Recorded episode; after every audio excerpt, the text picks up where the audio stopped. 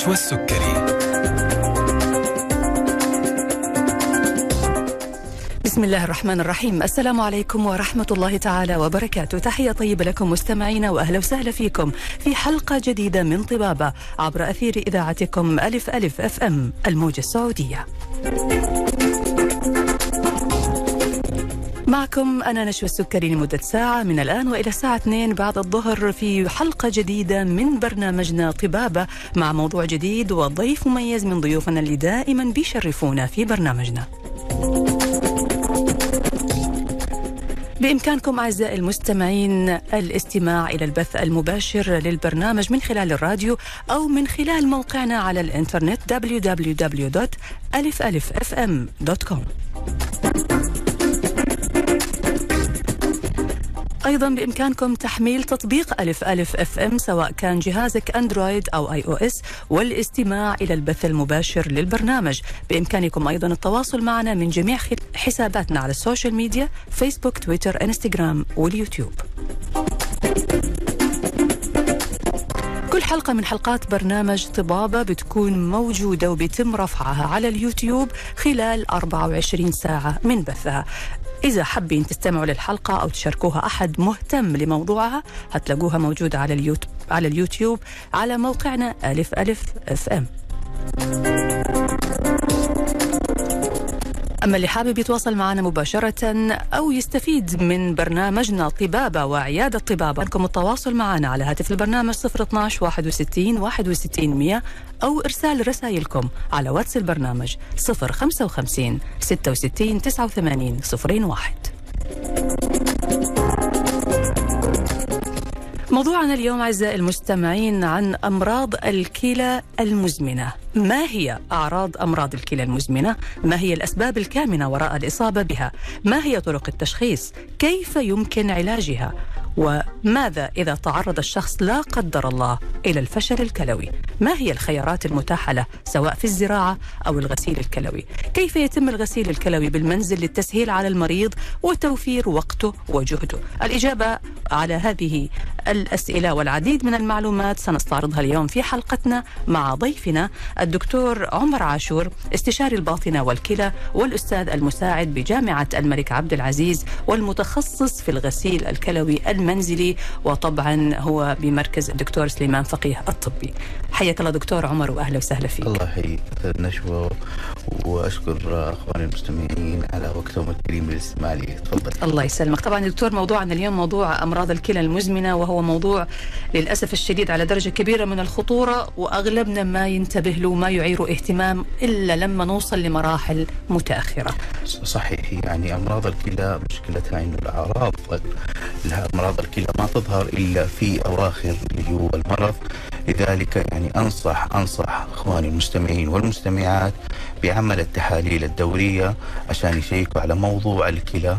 طبعا آه وظيفة الكلى هي فلترة الدم. طبعا فلترة الدم آه ليس هناك اختبار عملي أو اختبار معملي يبين لنا وظائف الكلى بنسبة صحيحة 100% ولكن نحن في المستشفيات نقوم بتحديد بعض الأملاح أو بعض المعادن أو بعض السموم ك كواجهة للسموم الأخرى لقياسها في الدم لتحديد نسبة فلترة الكلى. لكن اللي حبيت أنوه عليه أنه كثير من إخواني وأخواتي آه يعرفوا أن موضوع أنه وظيفة الكلى آه الوحيدة هي إخراج الفضلات لكن والسموم. لكن للكلى وظائف أخرى ثانية. منها تحديد نسبة الحموضة والقلوية في الدم عن طريق إخراج بعض الأملاح التي تتحكم في أو بعض الهيدروجين الهيدروجين التي تتحكم في حموضة الدم. وأيضا للكلى وظيفة أخرى مثل إخراج البروتينات المحافظة على البروتينات ليس إخراجها بالعكس إن إخراجها هذا يدل إنه في قصور في الكلى. وكذلك تحديد بعض أو تحديد نسبة الوظيفه الثالثة والمهمة أصلا في الكلى هي إخراج بعض الأملاح والمعادن من الجسم والمحافظة على معدلات معينة. طبعا آه هذه أغلب الوظائف اللي تقوم بها الكلى وكنت حابب أنوه حتى بعد فشل الكلى.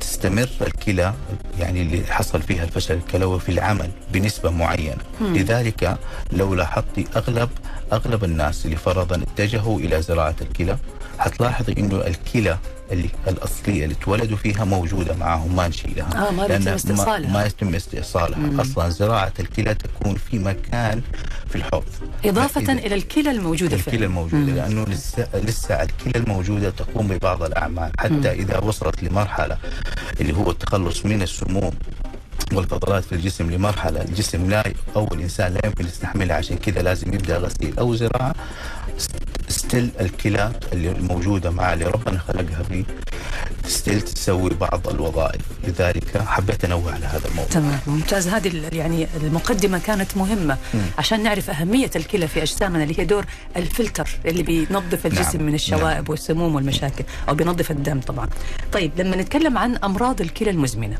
إيش هي أمراض الكلى المزمنة؟ أمراض الكلى المزمنة طبعا في أمراض الكلى نسميها أو نسمي أمراض الكلى الحاد ومرضى الكلى المزمن نعم مرض الكلى الحاد اللي هو يحدث ويصير في نقص في معدل تخليص الجسم للسموم والفضلات. نعم. وهذه لها أسباب كثيرة ما حنتطرق لها لكن مرض الكلى المزمن وهو في وضعنا أو في بلدنا هنا أحيانا تشخيصه يكون صعب. آه لأنه أنا كطبيب كلى أحتاج أعرف معدل تنظيف السموم والفضلات بالنسبة للكلى كلى المريض هذه ال- الشهور اللي, اللي, آه قبلها نعم. علي؟ فلو جاني مريض فرضا عمل تحليل وقال لي دكتور معدل وإحنا نقيس خلينا أديكم فرضا example أو مثال على هذا اللي هو كثير يسمعوه اللي هو الكرياتين مم. إحنا نستخدم في آه، في تحديد آه، وظيفة الكلى بتحليل اسمه الكرياتينين وهي مادة خلاص تخرج من العضلات وهذه وهذه المادة إحنا نقيسها في الدم لأنه الكلى تخرجها بنسبة عالية طيب ولكنها ليست أفضل شيء في قياس معدل فلترة الكلى. فبعض المرضى يجوني دكتور عمر هذا معدل الكرياتين عندي عالي ما السبب؟ فأنا دحين عندي حلين يا أقول إنه المريض عنده ضمور في الكلى مزمن أو عنده فرضا آه مرض كلى الحاد. طيب المزمن لازم أثبت أول شيء أول قاعدة رئيسية فيه إنه ارتفاع الكرياتين هذا اللي تكلمت عنه لازم يستمر لفترة ما هي قصيرة يعني ارتفاع الكرياتين لازم يستمر لفترة ثلاثة شهور آه. ثاني حاجة عشان أقول إنه المريض عنده آه مرض الكلى المزمن الوظائف اللي تكلمت عنها الثانوية هذه لازم يكون فيها قصور كمان أو فيها خلل مم. طيب في بعض الناس وفي بعض آه، في بعض الناس يتشخصوا بمرض الكلى المزمن ونسبة الكرياتينين عندهم طبيعية ولكن وظائف الكلى الثانوية الأخرى الثانية هي اللي هي اللي صار فيها مم. فهذا يتسمى برضو مرضى زراعة الكلى مع أنهم زرعوا كلى برضو يندرجوا تحت مسمى أمراض الكلى المزمنة. مم. يعني لا ليس كل مريض زرع كلى حيقول خلاص أنا رجعت إنسان طبيعي برضو حيتعامل معاملة إنه مريض عنده قصور في الكلى. فهذه هي الشروط اللي لازم تتوفر في المريض اللي عنده الله يشفيه ويرفع عنه إنه يكون عنده مرض كلى. مرض الكلى المزمن. طيب هعرف من حضرتك يا دكتور الأعراض أو المؤشرات في المراحل المتقدمة من الإصابة بالكلى المزمنة. لكن بعد ما نطلع فاصل قصير نرجع بعد ونكمل حوارنا نستقبل أسئلتكم على هاتف البرنامج 012 61 61 100 ورسائلكم على الواتس 055 66 89 صفرين واحد. ضيفنا اليوم الدكتور عمر عاشور استشاري الباطنة والكلى بمستشفى أو بمركز الدكتور سليمان فقيه الطبي والأستاذ المساعد بجامعة الملك عبد العزيز متخصص في الغسيل الكلوي المنزلي. فاصل وراجعين.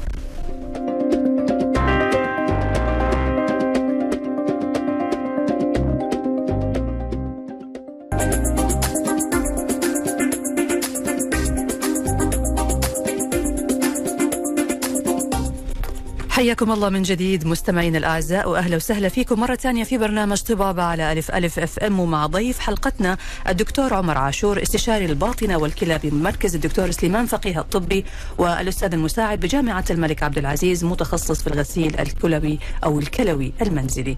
أحييك مرة ثانية دكتور عمر وأهلا وسهلا فيك. أهلا. بك طبعا أعزائي المستمعين لازلنا نستقبل أسئلتكم على واتس البرنامج 055 66 89 صفرين واحد.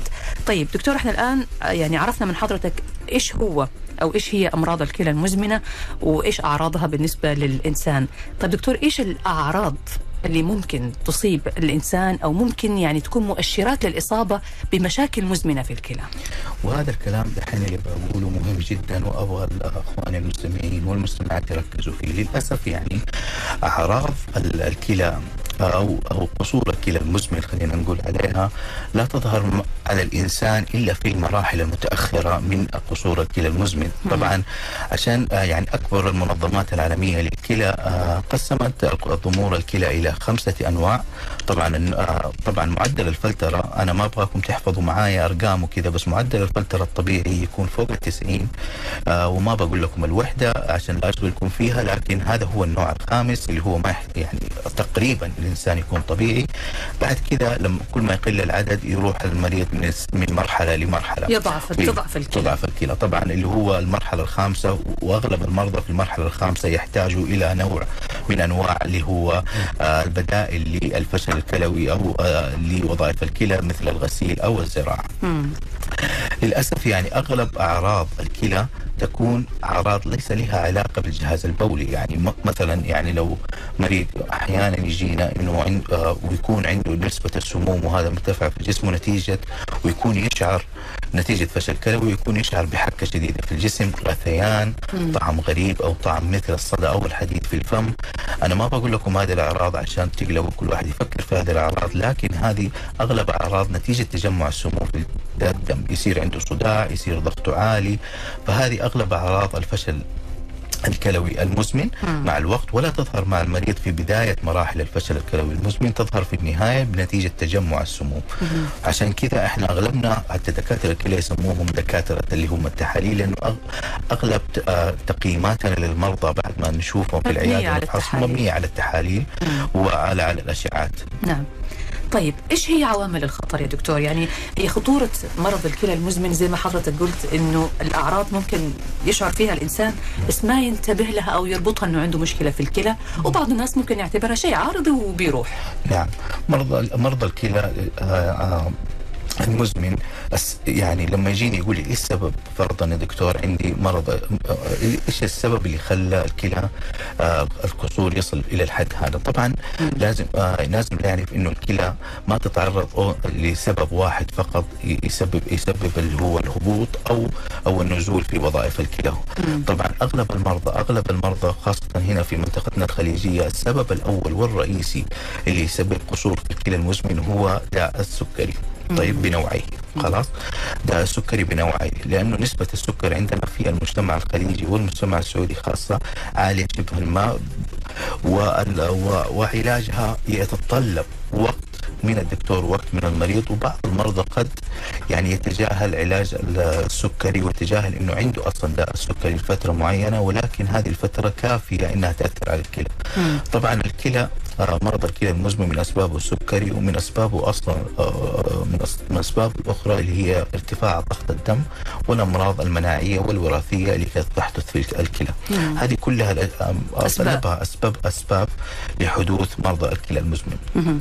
طيب أستاذنك دكتور في معانا اتصال يا أهلا وسهلا مساء الخير أختي نجوى أهلا وسهلا مساء النور أنا وفاء من الجنوب عندي سؤال حياك. الله أهلا وسهلا اخت أيوه وفاء أنا أبغى اعرف تأثير ارتفاع ضغط الدم على على الكلى اللي سليمين من الكلى ويرتفع عندهم الضغط هل يمكن يسبب لهم فشل كلوي وإيش النصائح في مثل هذا الشيء؟ تمام طيب آه، مستمعتنا الكريمة شكرا على سؤالك. وسؤال جدا مهم. طبعا الضغط مرضى الضغط آه، هم معرضين لقصور الكلى المزمن لو استمر الضغط عندهم غير آه، متحكم فيه لفترة طويلة جدا. طيب آه، مرض آه، الضغط هو واحد من الأسباب الرئيسية والأسباب اللي تسبب قصور الكلى المزمن ولكنه أيضا واحد من الأعراض اللي تظهر على المريض اللي عنده قصور الكلى المزمن فلازم ننتبه لهذا الشيء. يعني هو سبب وعرض في نفس الوقت. سبب وعرض في نفس الش- الشيء. وله أسباب يعني كثيرة من أغلب الأسباب اللي أغلب الناس يتشخصوا بها هنا لاحظتها إنه يتشخص إنه يكون الضغط عنده وراثي أو نتيجة عوامل أخرى مثل الس- السمنة مثل ارتفاع الدهون مثل مثل إنه عنده كمان داء السكري ومثل إنه عنده فرضا family history أو أو العيلة فرضا عندها آه، آه، آه، مرض ال- الضغط منتشر فيها. الناس اللي عندهم كوليسترول مرتفع دكتور. والكوليسترول برضه ممتاز. نعم من آه، من الأعراض يعني من اسباب اللي ممكن تؤدي- اسباب اللي- أو اللي تخلي إنه نسبة الضغط تزيد عنده هي الك- آه، الكوليسترول العالي. طيب. طبعا آه، علاجه علاجه في آه، طبعا لازم نركز في موضوع علاجه يعني وحتى ويعني آه، لأنه أكثر المنظمات حقت علاج ال- ال hypertensive أو ارتفاع الضغط تضع أعداد معينة للضغط أو رقم معين للضغط حسب حالة المريض. يعني مثلا فرضا داء السكري يحتاج إنه يكون الضغط حقه أقل من الضغط حق الإنسان الطبيعي. وهذه نتيجة يعني نتج هذا الشيء عن طريق نتيجة دراسات صارت وكذا. آه إنه تقليل الضغط عند المريض السكري بإعطائه بعض الأدوية المعينة يساعد يساعد في آه حماية المريض بعد الله سبحانه وتعالى إنه يبعد عن موضوع الغسيل فترة كافية. مهم. طيب دكتور إحنا يعني حضرتك قلت ال- مشاكل الكلى المزمنة أو أمراض الكلى المزمنة هي عدة مراحل آه بيكون الإنسان طبيعي في البداية ثم تبدأ الكلى بالضعف مرحلة مرحلة إلى أن يصل يعني للأسف الشديد إلى مرحلة الفشل الكلوي. خلال هذه المراحل يا دكتور لو تم اكتشاف إنه عنده مشكلة في الكلى بس ما وصل لسه للفشل الكلوي، هل يمكن العلاج وترجع الكلى طبيعية زي ما كانت؟ سؤالك جدا ممتاز. يعني مرضى الكلى المزمن لما يجون العياده أحيانا نتيجة إنه وأغلب المرضى لما يجون العياده يجون محولين من عيادات أخرى إنه عندهم ارتفاع في الكرياتين. طبعا لما يجيني آه، هو كل أمل إنه دكتور الكلى يعني بعد الله سبحانه وتعالى إنه حيعالجه.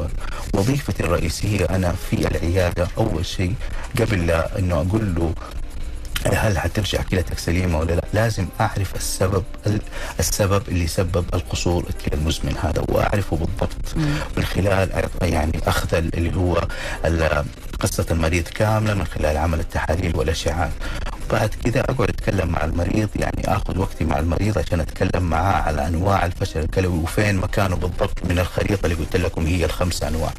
وأقول له أنا وظيفتي وظيفتي إني أحافظ لك على وضع الكلى اللي جاتني فيه دحين إذا ما كان في أي قصور كلى حاد في وقتها أنا وظيفتي إني أحافظ على القصور المزمن اللي أنت فيه ممكن نحسنه بعض الوقت عن طريق أدوية عن طريق التغذية بعض الأشياء ولكن للأسف يعني الكلى ليست كباقي الأعضاء زي الجلد ولا تع- ترجع تنمو مرة ثانية أو ترجع تتكون من جديد مرة ثانية. عشان كذا كان في زراعة. عشان كذا سبحان الله نعمة من ربنا أنه خلق عندنا كليتين.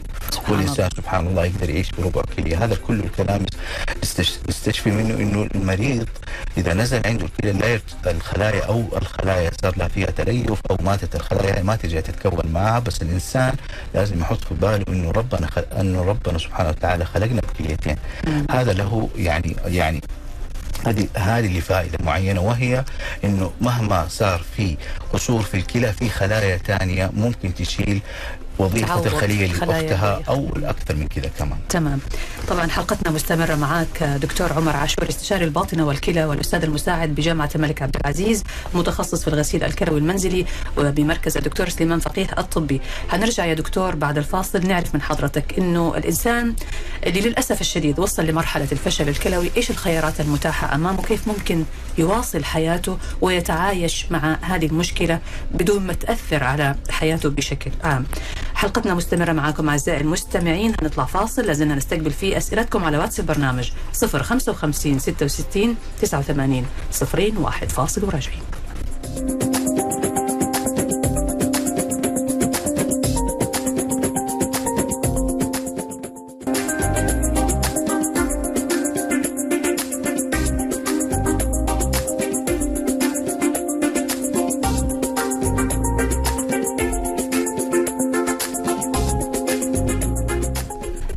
حياكم الله من جديد مستمعينا الأعزاء وأهلا وسهلا فيكم مرة ثانية في برنامجكم طبابة على ألف ألف أف أم. ومع ضيف حلقتنا الدكتور عمر عاشور استشاري الباطنة والكلى بمركز الدكتور سليمان فقيه الطبي والأستاذ المساعد بجامعة الملك عبد العزيز والمتخصص في الغسيل الكلوي المنزلي.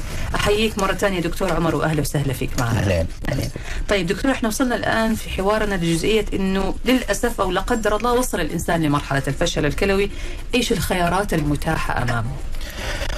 أول شيء آه آه إذا وصل المريض الله يشفيه ويرفع عنه على مرحلة الفشل الكلوي. طبعا أول شيء نقول متى يبدأ المريض فرضا يحتاج إلى اللي هي أنواع اللي هي الغسيل.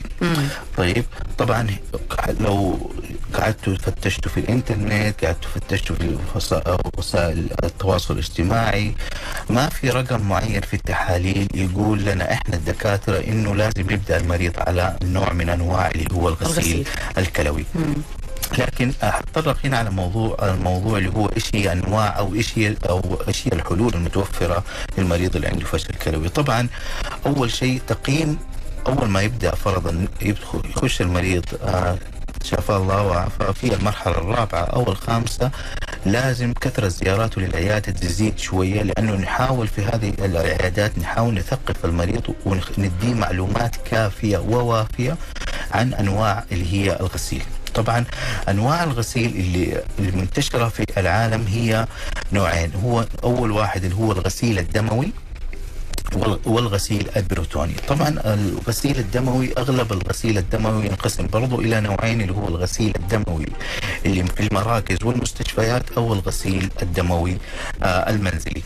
طبعا غسيل الغسيل عشان يتم بطريقة صحيحة يحتاج إلى طبعا توفر جهاز توفر آه آه توفر جهاز اللي هو الدياليسيس اللي نسميه جهاز الغسيل توفر اللي هو مدخل ل للدم حق المريض عن طريق قسطرة تتركب في آه، رقبة المريض طيب أو عن طريق جهاز يتركب في يد المريض.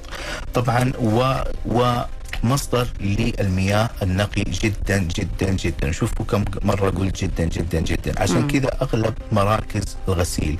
هنا عندنا في منطقة الخليج وخاصة في السعودية تكون في المستشفيات لأنها تحتاج إلى مصدر آه، من المياه معدل ومنقى بطريقة خاصة عشان هذا حيكون في مواجهة مباشرة وبعض الأحيان غير مباشرة لكن خلينا نقول إنه في مواجهة مباشرة مع الدم فلازم يكون نقي لدرجة من النقاء إنه عشان ما يتنقل أمراض للمريض نعم. طبعا آه حي كثير حيسألوا الآن طب الغسيل المنزلي أو الغسيل الدموي المنزلي نفس الفعالية وكيف يجي مصدر الماء هذا؟ صحيح. طبعا أول ما بدأ موضوع الغسيل المنزلي كانت الأجهزة هذه كاملة آه، تتنقل للمنزل المريض طبعا. طبعا بالخزان الموية بجهاز بجهاز الغسيل كامل لكن مع التطور. يعني أنتم شايفين التطور اللي صار في أجهزة التلفاز أجهزة التلفونات والأشياء. طبعا في تطور صار في أجهزة الغسيل المنزلي وصارت أجهزة الغسيل المنزلي متوفرة يعني بعدة أنواع بعدة أشكال وكميه السوائل تقل يعني كمية المياه اللي احتاجها في الغسلة تقل. مم. وجاءت فكرة الغسيل المنزلي. هو هي نفس فكرة الغس... الجهاز الغسيل اللي نستخدمه في المرضى اللي هم حقون العناية المركزة. هذول العناية المركزة لازم نستخدم معهم جهاز لطيف ما يسحب الدم بسرعة عشان ينزل لهم الضغط ويكون. فجاءت فكرة الغسيل المنزلي. طب أنا ليه ما أسوي جهاز طيب نفس الشيء يعني المريض ما في شيء ما هو تعبان عشان يستدعي إنه يقعد في العناية المركزه بس إنه في بيته فليش ما أسوي له الغسيل الخفيف هذا؟ طبعا كفاءة الغسيل كفاءة الغسيل ممكن توصل لكفاءة الغسيل الموجود في المستشفى بعوامل أخرى يعني إنه المريض لازم يقعد على الغسيل أكثر بس هو متوفر موجود في بيته فممكن يغسل له لفترة أطول. يكون مرتاح أكثر من وجوده في المستشفى نعم. نعم. فهذه الأشياء اللي هي ممكن تقرب الغسيل المنزلي إنه يكون بكفاءة الغسيل الموجود في المستشفيات. طبعا والنوع الأخير اللي هو الغسيل البريتوني يعني أنا زي ما شايف آه بعد ما رجعت من بعثتي يعني أغلب الناس ما هم ما هم عارفين إيش يعني الغسيل البريتوني. غسيل الغسيل البريتوني سبحان الله هو عبارة عن إن هي قسطرة تضع تضع في آه، في منطقة البطن. ونقوم إحنا بإدخال بعض السوائل ذات. وعندها فيها تركيز عالي من السكر. أو خلينا يعني سكر آه، قلتها غزلان يعني ماده شبيهه بالسكر لامتصاص بعض السموم الموجودة في الدم. وبعد كذا نقوم بإخراج هذه السوائل. طبعا في جهاز متخصص في هذا الشيء.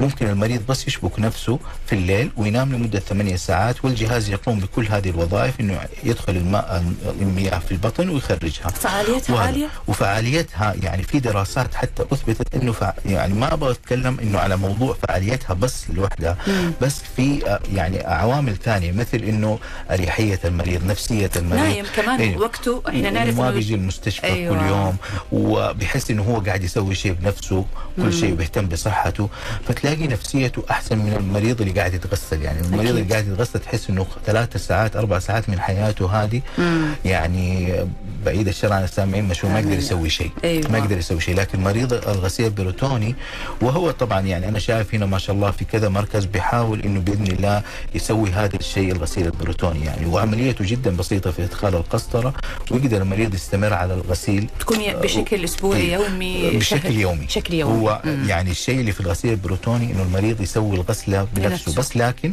يعني وقت الغسلة النوم. يقدر وقت النوم. وقت النوم في بعض المرضى طبعا ما يحب إنه يسوي وقت النوم لدرجة إنه أحيانا سوائل تخش البطن فممكن تسبب له ضيق ممكن آه. لا فممكن يسويها وهو صاحي مم. يعني ممكن يسوي هذا حتى الغسيل صاحي عن طريق يعني طرق معينة يحددها المري- الدكتور ليه وزي كذا طبعا إحنا هذول المرضى حقون الغسيل البروتوني إحنا نعلمهم وما نرسلهم البيت إلا لما نتأكد مرة ومرتين إنه وثلاثة خلاص تعلم كيف إنه تعلم يستخدم لدرجة. إنه إحنا نروح بيته ونعرف كيف وضع بيته. يعني لو كان عنده فرضا بسة ولا كان عنده قطه ولا شيء نقول له لا ما ينفع هذا الشيء لازم كذا. هذا المكان اللي إحنا شايفينه غرفة الضيوف اللي. تهتم- فيها أكثر شيء هي المكان اللي حتغسل فيه لأنها أنظف مكان. فإحنا ننقي له المكان اللي اللي يغسل فيه اللي, اللي يحط فيه أجهزته والأشياء الثانية. هذه. تمام. طيب في معنا اتصال يا دكتور. ناخذ اتصال نقول ألو يا هلا وسهلا. ألو؟ ألو؟ أيوه تفضل أخوي. أخوي بس لو تعلي صوتك لو تكرمت شوية. السلام عليكم. عليكم السلام ورحمة الله. حياك الله من معي؟ معك ماجد اليماني حياك أخوي تفضل. عندي مشاركة واستفسار في نفس الوقت. اتفضل هل آه، زارع الكلى يقدر يمارس حياته بشكل طبيعي زي قبل ما كان زارع مثلا؟ تمام. ولا تتغير عنده آه، من شخص لشخص برضو أبغى افهم والشيء الثاني آه أيوه. آه ضيعت السؤال أول مشاركة. ولا يهمك عادي عادي. لو تذكرت السؤال ارجع كلمنا مرة ثانية. طيب, طيب، على السؤال الأول. طبعا آه من الحلول يعني ال- لمرضى الفشل الكلوي هو زراعة الكلى. طبعا قلت زي ما قلت لكم أول شيء إحنا لما نز آه يعني لما نستقبل مريض زارع الكلى طبعا الكلى الأصلية اللي موجودة اللي انخلق فيها طبعا موجودة في جسمه ما نشيلها إلا في حالات معينة لو كانت فرضا كبيرة جدا أو كانت تعيق العملية ولا شيء زي كذا ممكن نشيلها. لكن أغلب الظن نخليها والكلى الجديدة نزنع نحطها في منطقة الحوض سواء في الجهة اليمين أو الجهة اليسار. آه طبعا آه آه زي ما أنتم عارفين إنه عندنا جهاز في جسمنا يسمى جهاز المناعة، جهاز المناعة يق... ليس يعني يقاوم أي شيء جديد دخل الجسم سواء بكتيري سواء فيروسي سواء جهاز أو عضو زرعناه إحنا، فالمريض اللي هو الله يشفيه ويرفع عنه اللي عنده فشل كلوي وبدأ أو سوى عملية زراعة الكلى هو طب طبيعي أول شيء أول شيء حيلاحظوا إنه حيبتعد عن الغسيل. هذا واحد. اثنين هو حيتعامل زي ما قلت لكم أول حيتعامل معاملة مريض الكلى المزمن. يعني إحنا رجعناه دحين إنه مريض كلى مزمن بس ما انتهى بمرحلة الفشل الكلوي يعني ما يحتاج غسيل. هل يمكن يعيش حياة طبيعية؟ نعم يمكن يعيش حياة طبيعية كاملة لكن في بعض الأشياء يعني ممكن آه ما نمنعه منها لكن نقلل منه يعني نوع التغذية يكون يعني لازم يحافظ على التغذية. الشيء الثاني لازم يحافظ على أخذ الدد ال- الأدوية بالشكل يعني خاصة أدوية المناعة لأنه إحنا حاطين شيء غريب في جسمه وهبطنا مناعته عن طريق أدوية ك- آه يعني آه الأدوية. ف, لازم لازم لازم شوف حط الموضوع هذا أكثر من مرة إنه المريض ياخذ أدويته حقت مهبط المناعة بشكل يومي. يعني لو ما أخذها بشكل يومي لا قدر الله حتى لو جاء الموضوع على يوم يومين ممكن يس إنه جسمه ومناعته تزيد وتهاجم الكلية هذه ويرجع موضوع الفشل الكلوي آه. مرة ثانية. لكن موضوع إنه يعيش حياة طبيعية نعم يقدر يعيش حياة طبيعية حتى مرضى الفشل الكلوي تحت الزراعة يقدر يعيش حياة طبيعية. وإحنا من وظي- وظائفنا كدكاترة كلى إنه نكتشف إيش الأشياء المهتم فيها المريض ونحاول إنه قد ما نقدر نساعده فيها إنه يخليه يرجع يسويها نخليه يرجع انسان منتج لأنه والله أنا اللي شايفه أغلب مرضى الفشل الكلوي ناس منتجين ناس طموحين صح هم قصروا في صحتهم لكنهم ناس منتجين فما أبغى أنهي حياته بمرحلة إنه غسيل ولا زراعة وإنت تختلف إنت صرت إنسان ثاني لا إنت نفسك إنت زي ما أنت وأنا أحاول أوصله لهذا الشيء. يقدر يتزوج يقدر نعم. ينجب عادي يا دكتور؟ نعم نعم وبرضه مرضى صح يعني تجمع السموم وهذا قد قد يؤثر على الأعضاء التناسلية خاصة في النساء لكن موضوع الحمل وموضوع الإنجاب عادي. ممكن إن يصير في مرضى الفشل الكلوي هم على الغسيل مم. طيب. وممكن برضو يصير للمرضى اللي هم اللي فرضا زرعوا كلى وبياخذوا مواد كيميائية عشان يهبطوا مناعة برضو ممكن يحملوا. لكن لكن وركزوا في هذا الشيء لازم يكون مراجعة زي ما تروح ال ال ال آه، زي ما تروح الحامل للدكتورة النساء والولاده بعد ما تخرج من عند دكتورة النساء والولاده تروح للدكتور الكلى. لأنه هو لازم هو يتحك يسوي بعض التعديلات على على الأدوية حتى قبل عملية يعني آه، اللي هو الحمل لازم تروح تزور الدكتور وتبلغ دكتور الكلى إنه أنا فرضا ابى احمل وأنا دحين زارع إيش ممكن أسوي؟ لأنه لازم نغير بعض الأدوية لأدوية فرضا لا قدر الله ما تسوي تشوهات في الجنين ولا ولا تسوي مضاعفات فرضا على الكلى خلال الحمل. مهم. تمام يا دكتور. حلقتنا مستمرة مع حضرتك آه، دكتور عمر عاشور استشاري الباطنة والكلى بمركز الدكتور سليمان فقيه الطبي والأستاذ المساعد بجامعة الملك عبد العزيز المتخصص في الغسيل الكلوي المنزلي. هنطلع الآن فاصل. بعد الفاصل يا دكتور نبغى نعرف من حضرتك يعني بما إنه الكلى غالية لهذه الدرجة، كيف أحافظ على كليتي؟ هل شرب الماء ممكن يؤدي إلى الفشل الكلوي؟ وإيش رأيك في موضوع شرب مياه الشعير؟ هل بالفعل بتغسل الكلى وتنظفها وترجعها زي ما كانت ولا لا؟ هنعرف الإجابة على هذه الأسئلة، لكن لا زلنا نستقبل أسئلتكم على واتس البرنامج 055 66 89 صفرين واحد فاصل وراجعين.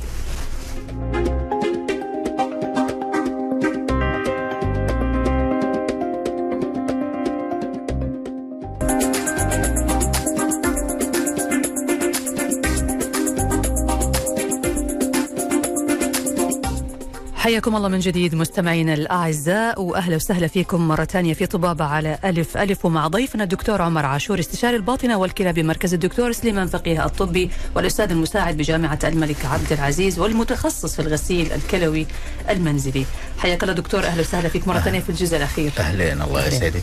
طيب إحنا دكتور الآن تكلمنا يعني عن إجمالي أغلب المحاور الخاصة بأمراض الكلى المزمنة نبغى في الجزء الأخير يا دكتور قبل ما نقفل حلقتنا ناخذ أسئلة المستمعين نبغى نعرف آه كيف أحافظ على كليتي؟ بما إنه الكلى صعب إنه أنا أرجعها زي ما كانت الحل الوحيد الآن إني أحافظ عليها. كيف نحافظ على كليتنا شغير يعني سليمة وشغالة بكفاءة؟ طبعا زي ما قلت لكم الكلى آه، هو جهاز فلترة. طبعا قد ما كانت أو أول حاجة من أهم أسباب الوقاية يعني أو أو أشياء الوقاية في الكلى إنه ما دام جهاز فلترة فزي ما تكلمت على موضوع الغسيل وبنظف الدم نبغى نسوي غسيل الكلى عن طريق شرب السوائل. كثير مننا وبخاص الموية الطبيعية الموية شوف أنا قلتها باللهجة الجداويه المياه يعني. خلاص؟ إنه شرب المياه إحنا كثير مقصرين فيه خاصة في منطقة الخليج خاصة مع وضع الظروف يعني المناخية عندنا هنا. كثير يجوني أقول له يعني أنا أقدر من تحليل البول أعرف إذا المريض ابتداء اليوم كان يشرب سوائل كويس ولا لا؟ أعرف إذا كان صايم ولا لا من تحليل البول. إنه أشوف البول مركز وزي كذا. فأغلب المرضى يقولوا لي دكتور أنا بشرب كمية كافية من السوائل. لما أجي أتكلم معاه قديش الكمية الكافيه ألاقيه إنه خلاص قبل لا ينام يشرب له موية أو كاسة موية ويعتبر إنه هذا كافي. طبعا أنا بديكم يعني واعزكم الله كمية البول الطالع من جسم الإنسان عبارة يعني المعدل الطبيعي من لتر للتر ونص في اليوم يطلع بول أو أقل من كذا بقليل يعني 800 ملي لتر ونص للترين في اليوم موية. آه بول وأنتم كرامة. فتخيلوا هذا كمية السوائل هاي طلعت من جسمك. ف عقليا إحنا نقول إنه كمية السوائل اللي أشربها في اليوم ما تقل عن لتر ونص في اليوم. في بعض المرضى يعني حتى يعني اللي عندهم فرضا صار عندهم فرضا قبل كذا حصوات في الكلى يجيني العيادة ومتوقع إني حطلعه كيس أدوية. ويطلع من عندي واحد يقول له زميله ها قال لك الدكتور؟ قال لي بس أشرب 3 لتر موية.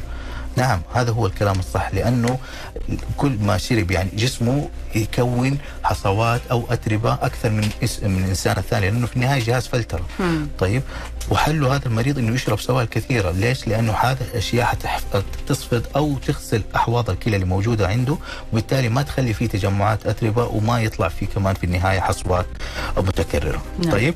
فأول حاجة اللي هي شرب السوائل خاصة في الوضع المناخي. عندنا حر إحنا بنخسر كثير من العرق بنخسر كثير كمان في البراز ما بنشرب سوائل كثيرة. فهذه أنا أول نصيحة أقدمها لمستمعيني السوائل كمية السوائل خاصة مع الظروف المناخية لازم تزيد. لازم الإنسان زي ما يمشي بجواله في الشارع لازم يمشي بقارورة موية أو آه، يعني معدل إنه يشرب تقريبا لتر ونص للترين في اليوم عشان يحمي بعد الله سبحانه وتعالى من أمراض اللي كانت تسبب ضمور في الكلى. تمام يا دكتور. طيب بالنسبة لشرب ماء الشعير شوفي آه هي في النهاية أنا السوائل. قديش المرضى يجوني العيادة دكتور شعير دكتور آه كجراتي دكتور آه آه اسمه؟ عصير الليمون دكتور عصير الخيار. أنا أهم شيء عندي موضوع السوائل. السوائل السوائل. أحيانا أياً أحيانا كانت. في أيا كانت. وأخص بها المياه العذبة العائلية طيب المعدنية. لكن بعض الناس يجوني وهذا يعني عشان كذا جات الفكرة هذه البقدونس اللي آه آه في دكتور وصف لي حبيبات كذا احطها في موية واشربها.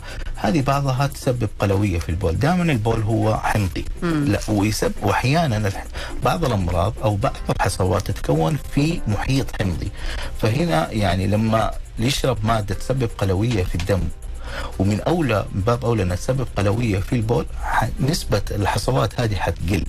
طيب عشان كذا أغلب المواد اللي يستخدموها أو أغلب يعني الوصفات ال- القديمة اللي يستخدموها بيسببوا بيسووا هذا الشيء إنه بيخلوا المريض يصير البول عنده قلوي أو إنه المريض يصير عنده تبول زيادة عن الطبيعي. فهذه كلها الاشياء لو رجعتوا للفكرة الرئيسية من اللي قلتها أنا ليش بنشرب سوائل ليغسل احواض الكلية؟ في النهاية القلوية بعض المواد ذات يعني عندها تركيز عالي إنها تنزل في البول وكمية البول هذه كلها بعد الله سبحانه وتعالى تحمي إنه آه ما تتجمع الحبيبات أو تتجمع الحصوات في آه أحواض الكلى. تمام دكتور. هل في فحص مثلا معين حضرتك توصي به إنه الشخص يعمله من وقت للتاني خاصة بعد سن الأربعين؟ طبعا يعني أغلب المرضى أو أغلب المرضى يجوني فجأة كذا دكتور والله رحت أنا لعياده فرضا أسنان والله رحت أو كانوا بيسووا لي عملية ورحت بسوي قسطرة قلب ولقوا إنه تحليل الكلى عندي مرتفع مع إني ما أشعر بشيء ولا حاجة. ف يعني كثير من المستمعين حيقولوا لي دحين طب دكتور عمر ليش ما نسوي تحليل؟ آآ آآ يعني يعني كل شهر أسوي تحليل كلى. لا طبعا يعني تحليل الكلى آه قلت لكم أنا ما في تحليل معين يبين وضع الكلى لأنه عبارة عن جهاز فلتر لكن إحنا نستخدم مجالا واحد من التح... من المواد اللي موجوده في الدم ونقيسها لأنها تخرج أو عن طريقة إخراجها تتم تقريبا 90 إلى 100% عن طريق الكلى وهي مادة الكرياتينين لكن أنا أنصح المرضى اللي عندهم فرضا آه يعني family history لو قصة عائلية إنه عندهم أمراض الكلى أما الناس عندهم فرضا عوامل ثانية مثل السكري مثل الضغط مثل الدهون آه، السمنة كوليسترول. خلاص أو كلية واحدة تبرع بالكليه إنه يعملوا تحاليل دورية بشكل دوري. طبعا الإنسان السليم إذا وصل سن ال 40 طبعا ما في منظمة قالت بالضبط منظمة يعني مسؤولة عن الكلى قالت بالضبط متى تبدأ تسوي تحاليل الكلى لكن بمجرد إنه المريض دخل مرحلة ال 40 أو العقد الرابع ممكن يعمل مع التحاليل الأخرى اللي يسويها فرضا تحليل الغدة إنه يعمل تحاليل فرضا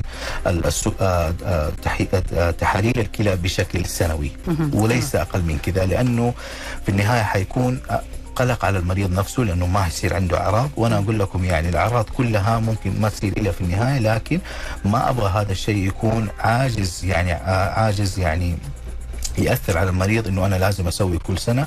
إذا أمورك طيبة ما عندك أمراض ثانوية ثانية ممكن ما تحتاج تعملها فقط عليك بالوقاية اللي هي الأشياء اللي قلت عليها شرب السوائل اللي هي أهمها والانتباه للأعراض اللي حضرتك. قلتها المؤشرات نعم. نعم. التورم الإرهاق الضغط نعم. الأشياء هذه طيب ناخذ أسئلة المستمعين عشان لا يزعل علينا دكتور آه عندنا هنا أول سؤال يقول تحية للدكتور عمر آه كيف الإنسان يحافظ على الكلى نبغى منك نصائح يا دكتور هذا الأخ عبد الله المحمادي من مكة وإحنا جاوبنا على هذا السؤال بالكامل. عليه كمان حاجة. يعني أنا تكلمت على شرب السوائل لكن أهم الأهم وكمان من الأشياء المهمة إنه شفتوا الأشياء اللي تكلمت عنها الأمراض المزمنة مثل السكري مثل الضغط مثل الدهون مثل ارتفاع الاملاح هذه كلها لابد أن تعالج لأنها في النهاية حتأثر على الكلى مع الفترة الطويلة. وطبعا آه، خسارة الوزن والابتعاد عن التدخين هذه كلها واحدة من الأشياء الوقائية لتحمي الكلى بعد الله سبحانه وتعالى من الضمور والفشل الكلوي. نعم.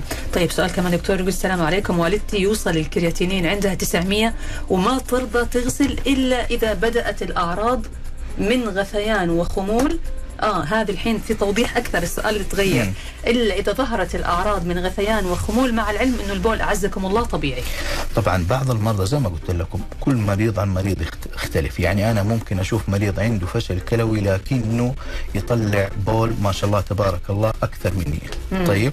وممكن في مريض فشل كلوي أقول له كم تطلع بول؟ يقول لي ولا شيء. طيب؟ فمرضى الفشل الكلوي من ناحية إخراج أو كمية البول طيب مختلفة هذا واحد. اثنين طبعا ما في منظمة آه، مسؤولة فرضا عن إخراج بعض اللي هم القوانين في العلاجية للكلى. قالت إنه لازم المريض يغسل لما يوصل الكرياتينين الرقم الفلاني والفلاني. أنا أقول لكم ليش. أول شيء مادة الكرياتين تطلع من العضلات. طيب أنا متين قدامكم غيري نحيف. طيب فكمية الكرياتين مختلفة عن من إنسان آه حسب. بنية الجسم. طيب هذا واحد. اثنين ثاني حاجة طبعا لقوا يعني الناس اللي بدأوهم غسيل ما اختلفت النتائج عن الناس اللي بدأوهم متأخر.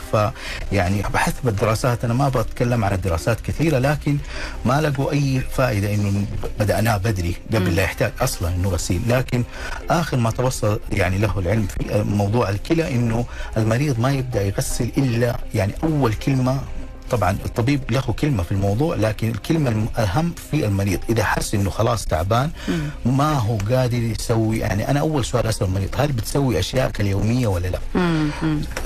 تسقي الزرع تأكل تس- إذا قادر يمارس. حياته؟ إذا قادر آه. يمارس وأنا شايف من التحاليل إنه ما في داعي إنه يبدأ. غسيل أوكي هو ننتظر. الحافة بس ننتظر غير كذا. لا تمام سؤال دكتور كيف أفرق بين ألم الظهر وألم الكلى لأني أشعر بألم في الجانب الخلفي من الظهر عند الانحناء كثير. أنا برضو سؤال ممتاز جدا. كثير لأنه بيجوني العيادة. دكتور أنا عندي ألم في هذا الشيء. طبعا آه كثير على طول يجيني أنا أول واحد قبل يروح لدكتور عظام قبل يروح لدكتور باطنة. يجيني أنا على طول كذا فتح بابي يقول دكتور والله أنا عندي ألم هنا أو خايف من الكلى. طبعا هذا المكان صح إنه اللي هو أسفل الظهر تحت القفص الصدري من الخلف هو مكان الكلى من الجهة اليسار لليمين. لكن أنا أول ما أشوف المريض أنا أول شيء أحط في بالي لما يخش عليه أشوف عمره. عشان كذا بوقتها أنا حبدأ أفكر في إيش. وأقعد معه حتى لو إني أنا فرضا عندي مرضى كثير وزي كذا لكن خلاص أنا تعلمت إنه في بعض الأسئلة اساله هي. هل الألم هذا مع الحركة يسار يمين لما تلف نفسك في زيادة؟ هل الألم مع المشي يزيد؟ هل الألم مع الوقفه يزيد؟ هذا يدل إنه مرض فرضا. آه ما في الظهر أو مرض في العضلات أو مرض في الشرايين يعني طيب في الشرايين ولا شيء. هل الألم فرضا ليه علاقة بالبول؟ هل تحس إنه بولك زاد؟ هل تحس إنه بول في أسئلة ثانية اسالها للمريض عشان ودائما لما يكون الألم من الجهتين يعني ما هو يعني على طول أفكر بشيء خارج الكذا لأنه ال ال سبحان الله ما في واحد حظه سيء حيجي له بعض. حصوة في الاثنين فهمتوا علي؟ فيعني واغلب المرضى تكون يعني مشاكل عضلية يحتاج مريع عضلات يحتاج بعض التمارين المعينة عشان يروح هذا الألم. لكن ما هو يكون سبب إنه أي ألم بالظهر هو سببه الكلى. تمام. أنا عندي أسئلة ثانية دكتور باقية بس للأسف وصلنا لختام الحلقة. كنت بسألك عن التهابات المسالك البولية ورائحة الأمونيا في البول إيش تأثيرها؟ بس للأسف خلاص لازم نغلق الحلقة. أنا بشكرك جزيل الشكر الدكتور عمر عاشور استشاري الباطنة والكلى بمركز الدكتور سليمان فقيه الطبي والأستاذ المساعد في جامعة الملك عبد العزيز. شكرا جزيلا. لك دكتور. الله يعطيكم العافية وشكرا لكم على استضافتكم الله. يسلمك. الشكر موصول لكم أنتم أيضا مستمعين الأعزاء. نلقاكم على خير في حلقة الغد إن شاء الله. انتظرونا حلقة جديدة موضوع جديد وضيف جديد من ضيوفنا في برنامج طبابة.